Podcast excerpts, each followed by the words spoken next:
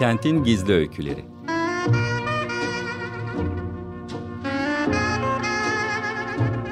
Kentin isimsiz kahramanları ve ilham veren yaşamları.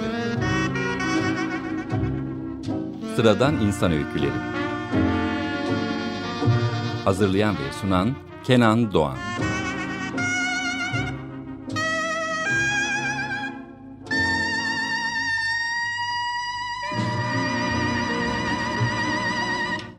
Kentin Gizli Öyküleri programından sesimizin ulaştığı her yere, herkese merhaba. Ben Kenan Doğan. İki haftada bir salı günleri saatlerimiz 16'yı gösterdiğinde açık radyo mikrofonlarından sizlerle buluştuğumuz ve gerçek yaşamdan ilham veren yaşam öykülerini paylaştığımız Kentin Gizli Öyküleri programı başlıyor efendim. Hoş geldiniz programımıza. Biz yine bir salı gününde yine yaşamın tam da orta yerinden çok değerli bir ismi ağırlamak üzere buradayız. Kentin Gizli Öykülerinde insan yaşam öykülerini sizlerle paylaşıyoruz bildiğiniz gibi ve yine ilham veren bir yaşam öyküsü bugün bizlerle birlikte olacak. Bakalım nasıl bir öykü sizleri bekliyor? Konuğumuzu daha fazla bekletmeden kendisine merhaba demek istiyorum. Konuğumuz Rümeysa Çevlik. Rümeysa Hanım hoş geldiniz programımıza. Hoş bulduk, merhabalar. Nasılsınız, iyi misiniz? Teşekkür ederim. Umarım sizler de iyisinizdir. Bizler çok iyiyiz. Programımıza konuk olmayı kabul ettiniz. Yaşam öykünüzü bugün bizlerle paylaşacaksınız. Bundan daha iyi olamayız. Çok mutluyuz. O yüzden de çok teşekkür ediyoruz size bunun için. Asıl ben teşekkür ederim. Burada olmak benim için de çok keyifli. Ne mutlu bizlere. Peki o zaman isterseniz hadi hikayenin en başına dönelim. Rümeysa Çevdiğin yaşam öyküsü nerede, ne zaman, nasıl başladı? Ee, ben Osmaniye'nin Kadirli ilçesinde 5 Şubat 1986 yılında ailenin ilk çocuğu olarak yani en büyük çocuğu olarak dünyaya geldim. Ee, çocukluk yıllarımda böyle doğanın içerisinde bir e, çocuk geçirdim. Yazları köye gittiğimiz işte anneanne dede yanında kaldığımız bir e, çocukluk yıllarıydı. İnatçı bir çocuktum. Böyle kafama koyduğum her şeyi yapmaya çalışırdım. Görenler aslında böyle işte sakin ne kadar akıllı falan dese de içimde fırtınalar kopan, e, böyle aklına koyduğunu yapan bir e, çocuktum. Ne güzel. Sonra anneannemle dedemle güzel vakit geçiren, bol bol oyun oynayan ama e, oyun oynarken oyununa çok saygı duyulmayan bir çocuktum. Tam böyle oyuna dalmışız oyunun ortasında işte ailenin bir büyüğü çağırır hadi bunu yap ya da hadi bize yardım et diye çağırırdı ve o zamanlar hep şunu söylerdim. Ben büyüdüğümde, büyük olduğumda oyun oynayan bir çocuğu asla çağırmayacağım. Çocukluktan hatırladığım mesela bu bende çok derin bir iz bırakmış sanırım. Çünkü e, o zaman bizler böyle çok güzel oyunlar kurardık. E, bahçede çok güzel oyunlar oynardık ve e, asla oyunumuza böyle saygı duyulmazdı. Bu beni çok incitmişti çocukken. E, şimdi bunu ben e, çocuklara yapmamaya çalışıyorum. Çocuk yaşta e, ee, oyunun, sonra... oyunun güzelliğinin farkına varmış. Oyunun o büyüsüne kapılmış evet. ama oyunun kesilmesinin de bölünmesinin de sizin deyiminizle oyuna saygı duyulması, duyulmamasının da aslında ne kadar yaralayıcı olduğunun farkına varmış bir çocuk ve sonrasında o çocukluğu oyunlarla geçen ama oyunları büyükler tarafından bölünüp genelde başka işlere de çağrılan o çocuk sonrasında neler yapıyor?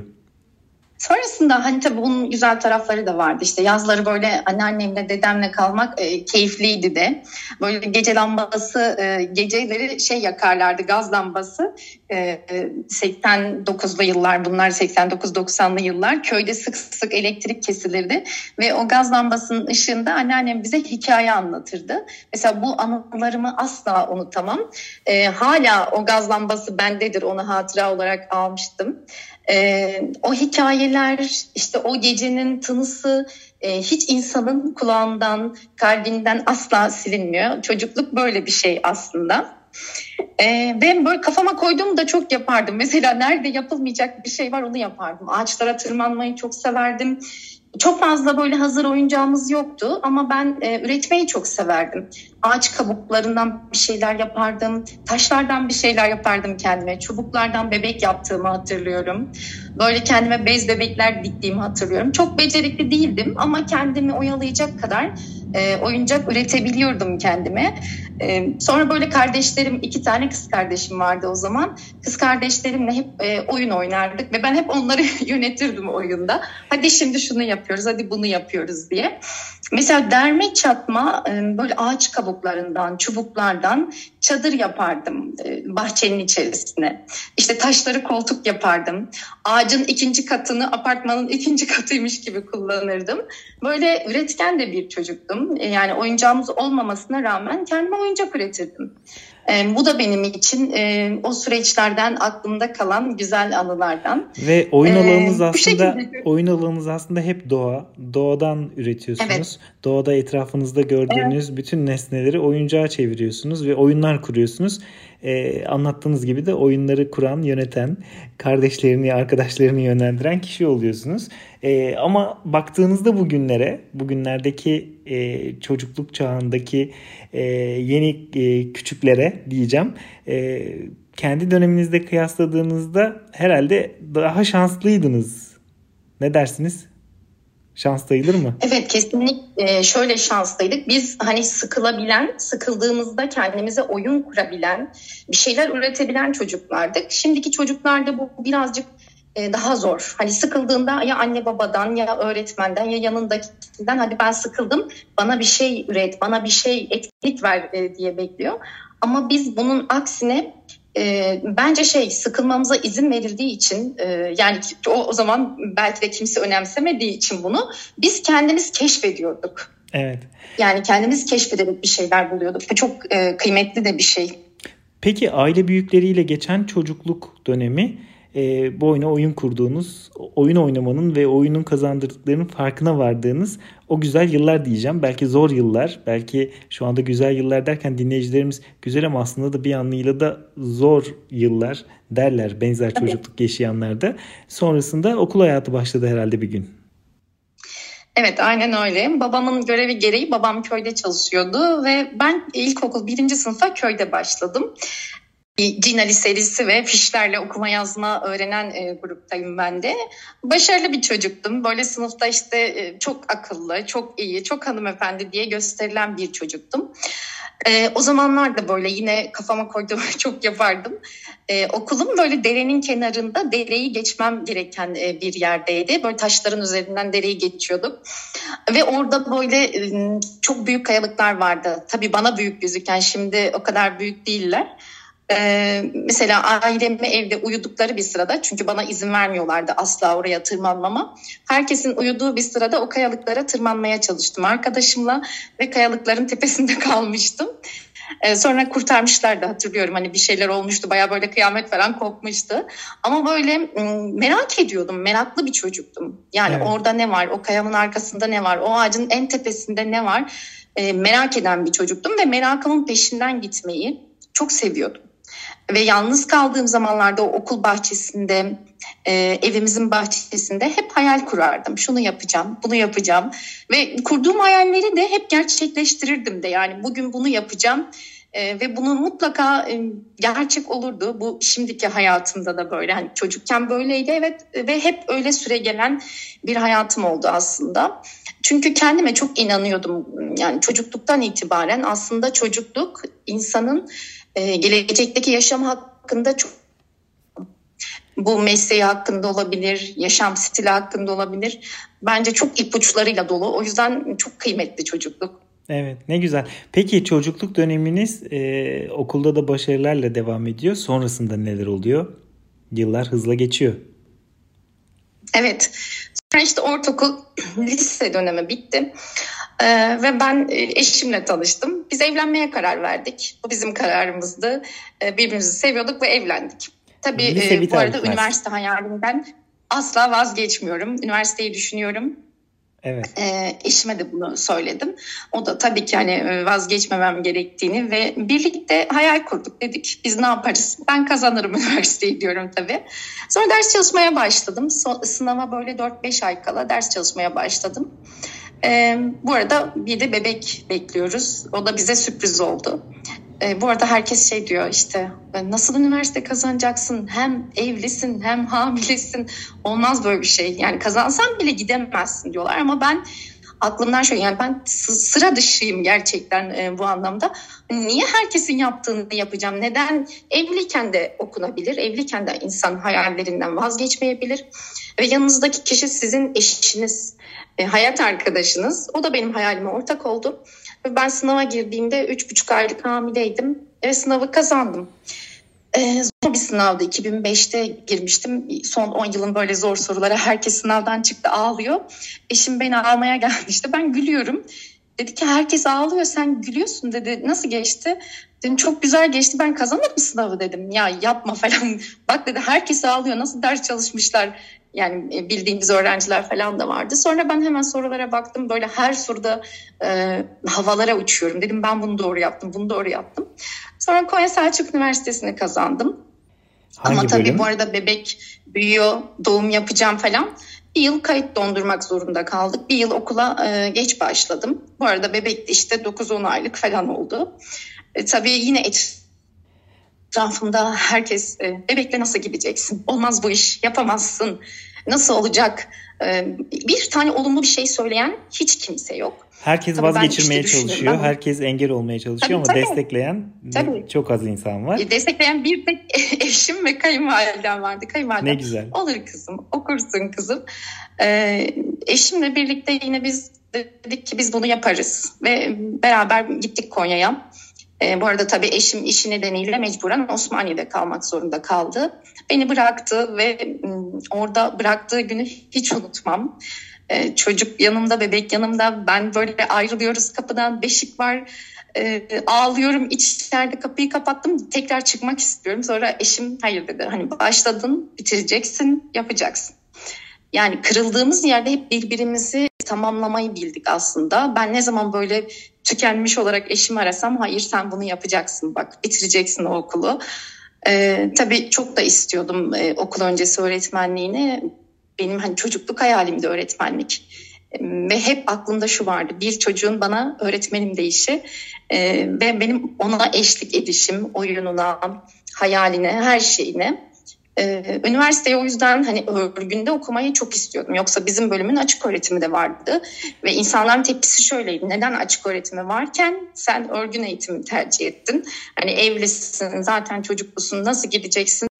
Ben hep şey dedim yani ben bu işi yapıyorsam en güzelini yapmam lazım. En iyi şekilde yapmam lazım. Üniversitesinde en iyi şekilde okuyup bitirmem lazım. Ve çocukla birlikte bir maceraya başladık. Eşim, ben ve oğlumla birlikte. Ee, Kaan şimdi 18 yaşında tabii. Yıllar e, çok çabuk geçti gibi. Rümeysa Hocam o kadar o kadar güzel ve akıcı anlatıyorsunuz ki ben araya girmiyorum özellikle. Siz aynen böyle anlatmaya devam edin lütfen. Konya'da Selçuk Üniversitesi'nde okul öncesi öğretmenliği bölümünü e, kucağınızda bebeğinizle okumaya karar verdiniz. Eşiniz de ne güzel ki arkanızda durdu sizi destekledi. Üniversite yılları nasıl geçti? Sonrasında neler yaptınız? Dinliyoruz sizi. Ee, üniversite yıllarım zorluydu her zamanki gibi ben zoru seviyorum galiba ama güzeldi de güzel anılarla da dolu. Ee, bebekle birlikte uygulamalı eğitim gibi geçti aslında çünkü tamamen 0-6 yaş e, çocuk gelişimi okul öncesi e, çocuğu tanıdığımız çocukla birlikte bir şeyler yaptığımız bir e, dönem ve bölüm. Arada böyle derse götürüyordum oğlumu. Ee, ama şöyle ilk başta böyle ben çok korktum çünkü üniversiteye yeni başlamış bir sürü insan görüyorsun ve herkes ağlıyor ailesinden ayrılmış zor. Bir de ben çocuk da oradayım. Bir de bakmam gereken, e, düşünmem gereken çocuk var. Bir de arkamda bıraktığım eşim var. İşte sürekli telefonla konuşuyoruz. Hafta sonları geliyor gidiyor eşim. Ama çok zorlu süreçler. Ee, sonra işte çocuğu üniversitenin anaokuluna yazdırdım. Orada part time çalışmaya başladım.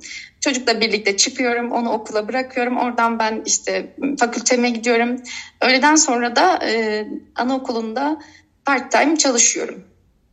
Bir taraftan da e, hani üniversitenin anaokulunda çocuk oraya gidebilsin diye tabii böyle bir şey yaptık. Güzel, keyifliydi o günler. Böyle çocuğu oyun derslerinde okula götürüyordum. Tabii burada oğlum da bizimle birlikte büyümeye başladı. İşte üniversitedeki herkes ona çok ilgi gösteriyor. Hocalar, arkadaşlarım. Ee, güzel, keyifli yıllardı. Tabii zorlu günleri de çok fazlaydı. İşte hastalıkları, yani bir çocukta ne oluyorsa orada evet. üniversitedeyken benim başımda da vardı. İşte herkes sadece okula gidip gelirken ben işte çocuk hasta, çocuğun yanındayım. Hatta hiç unutmam bir gün vize zamanı çok hastalandı. Hastanede yatıyor. Ee, üniversite hocam dedi ki böyle yanında duracak kimse yok. Ben sınava gitmem gerekiyor. Ben dedi gelir dururum yanında dedi sen sınava git. E, hiç unutmam bu günü. Ne güzel. Herkesin e, desteklediği el birliğiyle üniversiteyi evet. bölüm bitirmeniz için çabaladığı yıllar ve anlattığınız üzere zorlukla geçen yıllar. Hocam süremiz de hızla ilerliyor. İsterseniz hadi biraz hızlanalım. Ee, üniversite gün geldi bitti. Sonrasında neler yaptınız? Sonrasında hemen atandım zaten. E, Mardin'e atandım. Mardin'de bir buçuk yıl e, çalıştıktan sonra eş özrüyle Osmaniye'ye geldim. Osmaniye'de de üç yıl merkezde böyle okul okul gezdikten sonra şu an uzun e, zaman çalıştığım, e, öğretmenliğimi tam anlamıyla yaptığım köy okuluna geldim. Ve bu köy okulu bana ilk geldiğimde birinci sınıfta başladığım köy okulunu hatırlattı hep. Ee, ilk başta zordu böyle çocukların ihtiyaçlarına göre hazırlanmış bir sınıf yoktu. Benim hayal ettiğim gibi bir şey yoktu. Hemen tabii dedim ki yani burayı yapacaksam ben en güzel şekilde yapıp çocuklara hazırlamalıyım diye düşündüm ve plastiksiz bir sınıf yapmaya karar verdim. Tamamen ahşap materyallerden, doğal materyallerden oluşan kapalı alan sınıfı plastiksiz bir sınıf olarak tasarladık. Bunu tabii çocukların hayalleriyle onlar nasıl istiyorlarsa öyle yapmaya çalıştım. Önce böyle çevremden destek bulmaya çalıştım. Çünkü bu zorlu da bir süreç, e, maddiyat gerektiren bir süreç. Sonra tabii baktım çevremle olacak gibi değil. İşte sosyal medyadan e, destek bulmaya çalıştım. STK'lardan, derneklerden. E, sağ olsun insanlar da güvendiler, inandılar ve harika bir sınıf yaptık çocuklarla beraber. E, sonrası pandemi. Pandemi başlayınca ben kapalı alan sınıf maske kullanıyoruz. Zorlu süreçler, köy okulları bu süreçte daha çok açık kaldı. E, zaten de bahçeyi, doğayı böyle çok kullanan bir öğretmendim. Dedim ki neden bahçede bir sınıfımız olmasın? Ve bu sefer bir açık hava sınıfı hazırladım bahçeye çocuklarla ve velilerimle birlikte. Bu açık hava sınıfında her şey doğadan. Tıpkı benim çocukluğumdaki gibi. Hani dedim ya ipucu veriyor çocukluk. E, işte burada o çocukken benim öğrenmelerim, kendi deneyimlerim bana bir çocuğun nasıl öğrendiği, bir çocuğun ne hissettiğiyle ilgili çok şey öğretmişti aslında. Ve öğretmenliğimde hep ben bunu kullandım. Ne zaman böyle sıkışsam hep çocukluğuma baktım döndüm. Ben çocukken ne yapardım, nasıl öğrenirdim e, ve ne, ne bekliyordum diye. Sonra çocuklarla ve velilerimle birlikte açık hava sınıfını oluşturduk ve pandemi sürecinde sıkça açık hava sınıfını kullandık. Açık hava sınıfında çocukların e, keyifle öğrendiği, kendi meraklarının peşinden gittiği, e, keşfederek öğrendiği istasyonlar var. İşte günlük yaşam becerileri, müzik alanı, e, tarım alanı gibi, işte böcek oteli gibi merkezler var. Çocuklar burada e, hem doğayla iç içeler. Onları bu süreçte tabii e, o zaman e, çocuklar hani köyde olmalarına rağmen doğayla bağları kopmuştu. Aslında beni harekete geçiren kısım tam da orasıydı. E, ekran süreleri uzamış, TV başında çok vakit geçiriyorlar. Aileler çocukları dışarıya çok çıkarmıyordu. Birazcık bunlara da çözüm bulması adına çocuklara tekrar böyle doğayla iç içe bir e, okul öncesi eğitime e, alıştırdım. E, sonrası tabii biz açık hava sınıfını çok sevdik ve hala açık hava sınıfında eğitimimizi sürdürüyoruz. E, açık hava sınıfından sonra hayallerimiz bitmedi tabii. E, çocuklara Atatürk'ü anlatmak için bir sanat spor atölyesi hazırladık. E, hem de çocukların meraklarını, işte o anki yeteneklerini keşfetmeleri, kendilerini keşfetmeleri için ve şöyle düşündüm dedim ki yani ben çocuklara okul öncesi dönemde Atatürk'ün neden düşmanla işte savaşla hani çocuk ilk kez bunu duymaması lazım. Atatürk'ün çocukları ne kadar çok sevdiğini, müziği, sanatı, sporun ne kadar çok sevip değer verdiğini e, bilmesi çocuğun bence ilk öğrendiğinde e, çok daha anlamlı diye düşündüm ve Atatürk Spor Sanat Atölyesi'ni yine destekçilerimle birlikte açtık. Ee, tabii bizde hiç böyle bitti kavramı hiç yoktu. Çünkü çocuklar her gün yeni bir şey hayal ediyorlar. Ve sonrasında böyle onların uzaya olan meraklarından dolayı bu sefer bir e, uzay bilim sınıfı hazırladık. Yine çocuklarla ve destekçilerimizle birlikte tamamen e, uzayı okula getirdik diyebilirim. Muhteşem. Ee, Ama bitmedi hayaller. evet bitmiyor. Hiçbir zaman bitmez. Ben hiç bitti demiyorum zaten. Sonra çocuklara bir gün hikaye anlatıyordum. E, kitaptan böyle hikayenin resimlerini gösteriyorum. Çocuklar orada bir ağaç ev gördüler. Ve böyle gözleri nasıl açıldı anlatamam size. Şey öğretmenim o ağaç evden bizim de olsa ne kadar güzel olur dediklerinde ben böyle içim böyle tabii cız etti ama şey diyor sakın sakın hayır bunu yapamazsın çok zor bu falan. Sonra çocuklar şey dedi öğretmenim çok güzelmiş çok istiyoruz bundan bizim de olsun falan. Ee, ben de dedim ki çok isterseniz olur çocuklar belki dedim. Sonra aradan zaman geçti çocuklardan biri geldi. Hani o çok istediğimiz ağaç evi olmuyor ben çok istiyorum dedi. Ve o zaman hemen e, giriştim olaya. E, ve iki sene boyunca o ağaç evi yapabilmek için çalmadık kapı bırakmadım. Ve iki senenin sonunda 23 Nisan günü çocuklara bayram hediyesi olarak geldi ağaç ev. E, ve çocuklara dedim ki biz dedim bir hikaye kitabından görüp yaptık bu ağaç evi. İster misiniz burayı bir kütüphane yapalım, içini kitaplarla dolduralım. Ve ben, belki o kitaplardan başka hayallere doğru gideceğiz. Ee, çocuklar bu fikre bayıldılar tabii. Yani oradan şimdi başka hayallere gideceğiz deyince. Sonra orayı kütüphane olarak tasarladık. E, tabii bizde yine böyle hayaller bitmiyor. Okulda altı durumda olan sınıflar, alanlar çok fazla ee, bir de dedik ki oyunlu matematik atölyesi çocuklara matematiği böyle e, korkarak işte e, cebeleşerek değil de oyunla e, somut olarak göstererek materyalleri öğretelim ve hem ilkokulun da faydalanacağı bir oyunlu matematik atölyesi hazırladık çocuklara. Ve çocuklar yine burada hem ilkokul çocukları hem okul öncesi çocukları keyifle matematik öğreniyorlar. Ben aslında öğrenmekten vazgeçmeyen, pes etmeyen, inandığı neyse onun peşinden giden, daha çok da çocukların hayallerinin, meraklarının e, peşinden giden bir öğretmenim. Yani bunları yaparken zorluklar çıkmadı mı karşıma? Çok fazla zorluklar çıktı. İşte her zaman olduğu gibi hayatımda yapamazsınlar. İşte imkansız, olmaz bu iş. Hani bunu e, her yerden duyuyorsun. Ee, ama hiçbir zaman onlara kulak asmadım. Çünkü ben çocukluğumda da böyleydim.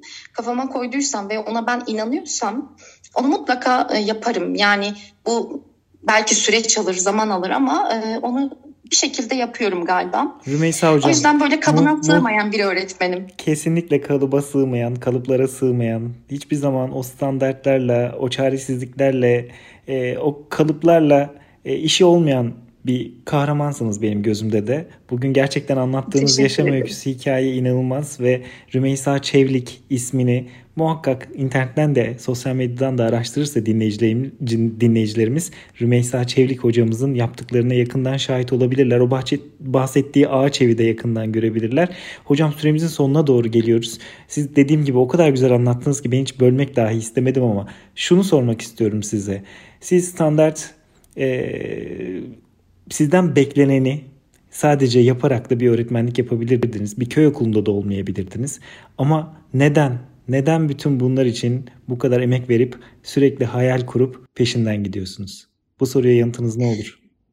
Çocukluk çok kıymetli bir şey. Yani ben bir eğitimciyim, bir öğretmenim. Bir öğretmen sıradan bence olmamalı, dümdüz olmamalı. Bu benim için de çok büyük motivasyon kaynağı. Yani okula giderken her gün heyecan duyarak gidebilmek ve bir çocuğun kalbinde, gülüşünde olabilmek, onun hayalinin kıymetli olduğu yerde olabilmek bence en güzeli bu. E, zaten şimdi bu çalışmalarımla da e, Sabancı Vakfı tarafından 14. sezon fark yaratanı seçildim. Ve bununla birlikte süreç çok daha anlamlı hale geldi. Bu benim için çok kıymetli bir şey. Bundan sonrasında da böyle daha çok çocuğun doğayla buluşması, hayallerinin gerçek olması için çabalayacağım. Tam soracaktım geleceğe dair hayalleriniz ne? Onu da söylemiş oldunuz bu vesileyle. Daha fazla çocuğa ulaşana kadar e, bu hayaller hiç evet. bitmeyecek. Rümeysa hocamızın herhalde yolculuğu da hiç bitmeyecek. Ne diyebiliriz ki hocam? Yani Umarım sizin gibi hocalarımızın, öğretmenlerimizin sayısı her geçen gün daha fazla artar ve o çocukluğun, sizin de de söylediğiniz gibi çocukluğun kıymetini bilen hocalarımız çok daha fazla olur. Biz bugün Yaşam Öykünüze Kentin Gizli Öyküleri programında yer verdiğimiz için çok mutlu olduk. Çok teşekkür ediyoruz programımıza konuk olduğunuz, yaşam öykünüzü bizlerle paylaştınız. İyi ki varsınız demek istiyorum size ve çok teşekkür ediyorum. Ben çok teşekkür ediyorum. Görüşmek üzere. Çok sağ olun. Evet efendim bugün programımızın konu Rümeysa Çevlik'ti. Rümeysa Çevlik bir köy öğretmeni ama sıra dışı bir öğretmen. Kendisinde söylediği gibi Sabancı Vakfı tarafından da fark yaratan seçilmiş çok değerli, çok kıymetli bir öğretmenimiz. Hayalleri hiç bitmiyor onun. Çocuklarıyla beraber kurduğu hayallerin peşinden gidiyor ve imkansızlık nedir bilmiyor. Çaresizlik nedir bilmiyor. Yapılamaz, edilemez, o olmaz, burada olmaz diyenlere inat. O her şeyi mümkün kılan ve çocukların hayal kurarak dünyayı daha yaşanılabilir bir yer yapabileceğini çocuklara gösteren, inandıran, yaşatan çok kıymetli bir öğretmenimiz. Biz ara ara Kentin Gizli Öyküleri programında böylesine ilham veren öğretmenlerimizi konuk almaya devam edeceğiz. Rümeysa hocamız bugün içimizi bir kere daha umutla doldurdu. İyi ki var Rümeysa hocam gibi, Rümeysa Çevrik gibi isimler. Umarım sayıları her geçen gün daha fazla artar. Bizden bu haftalık da bu kadar. Kentin Gizli Öyküleri programının sonuna geldik. İki hafta sonra salı günü saatlerimiz 16'yı gösterdiğinde Açık Radyo mikrofonlarından Kentin Gizli Öyküleri programıyla bizler tekrar burada olacağız efendim. Sizleri de bekleriz. Ben Kenan Doğan ve Teknik Masa'daki Açık Radyo çalışanı değerli arkadaşlarımla birlikte sizlere sağlıklı günler diliyoruz. Hoşçakalın efendim.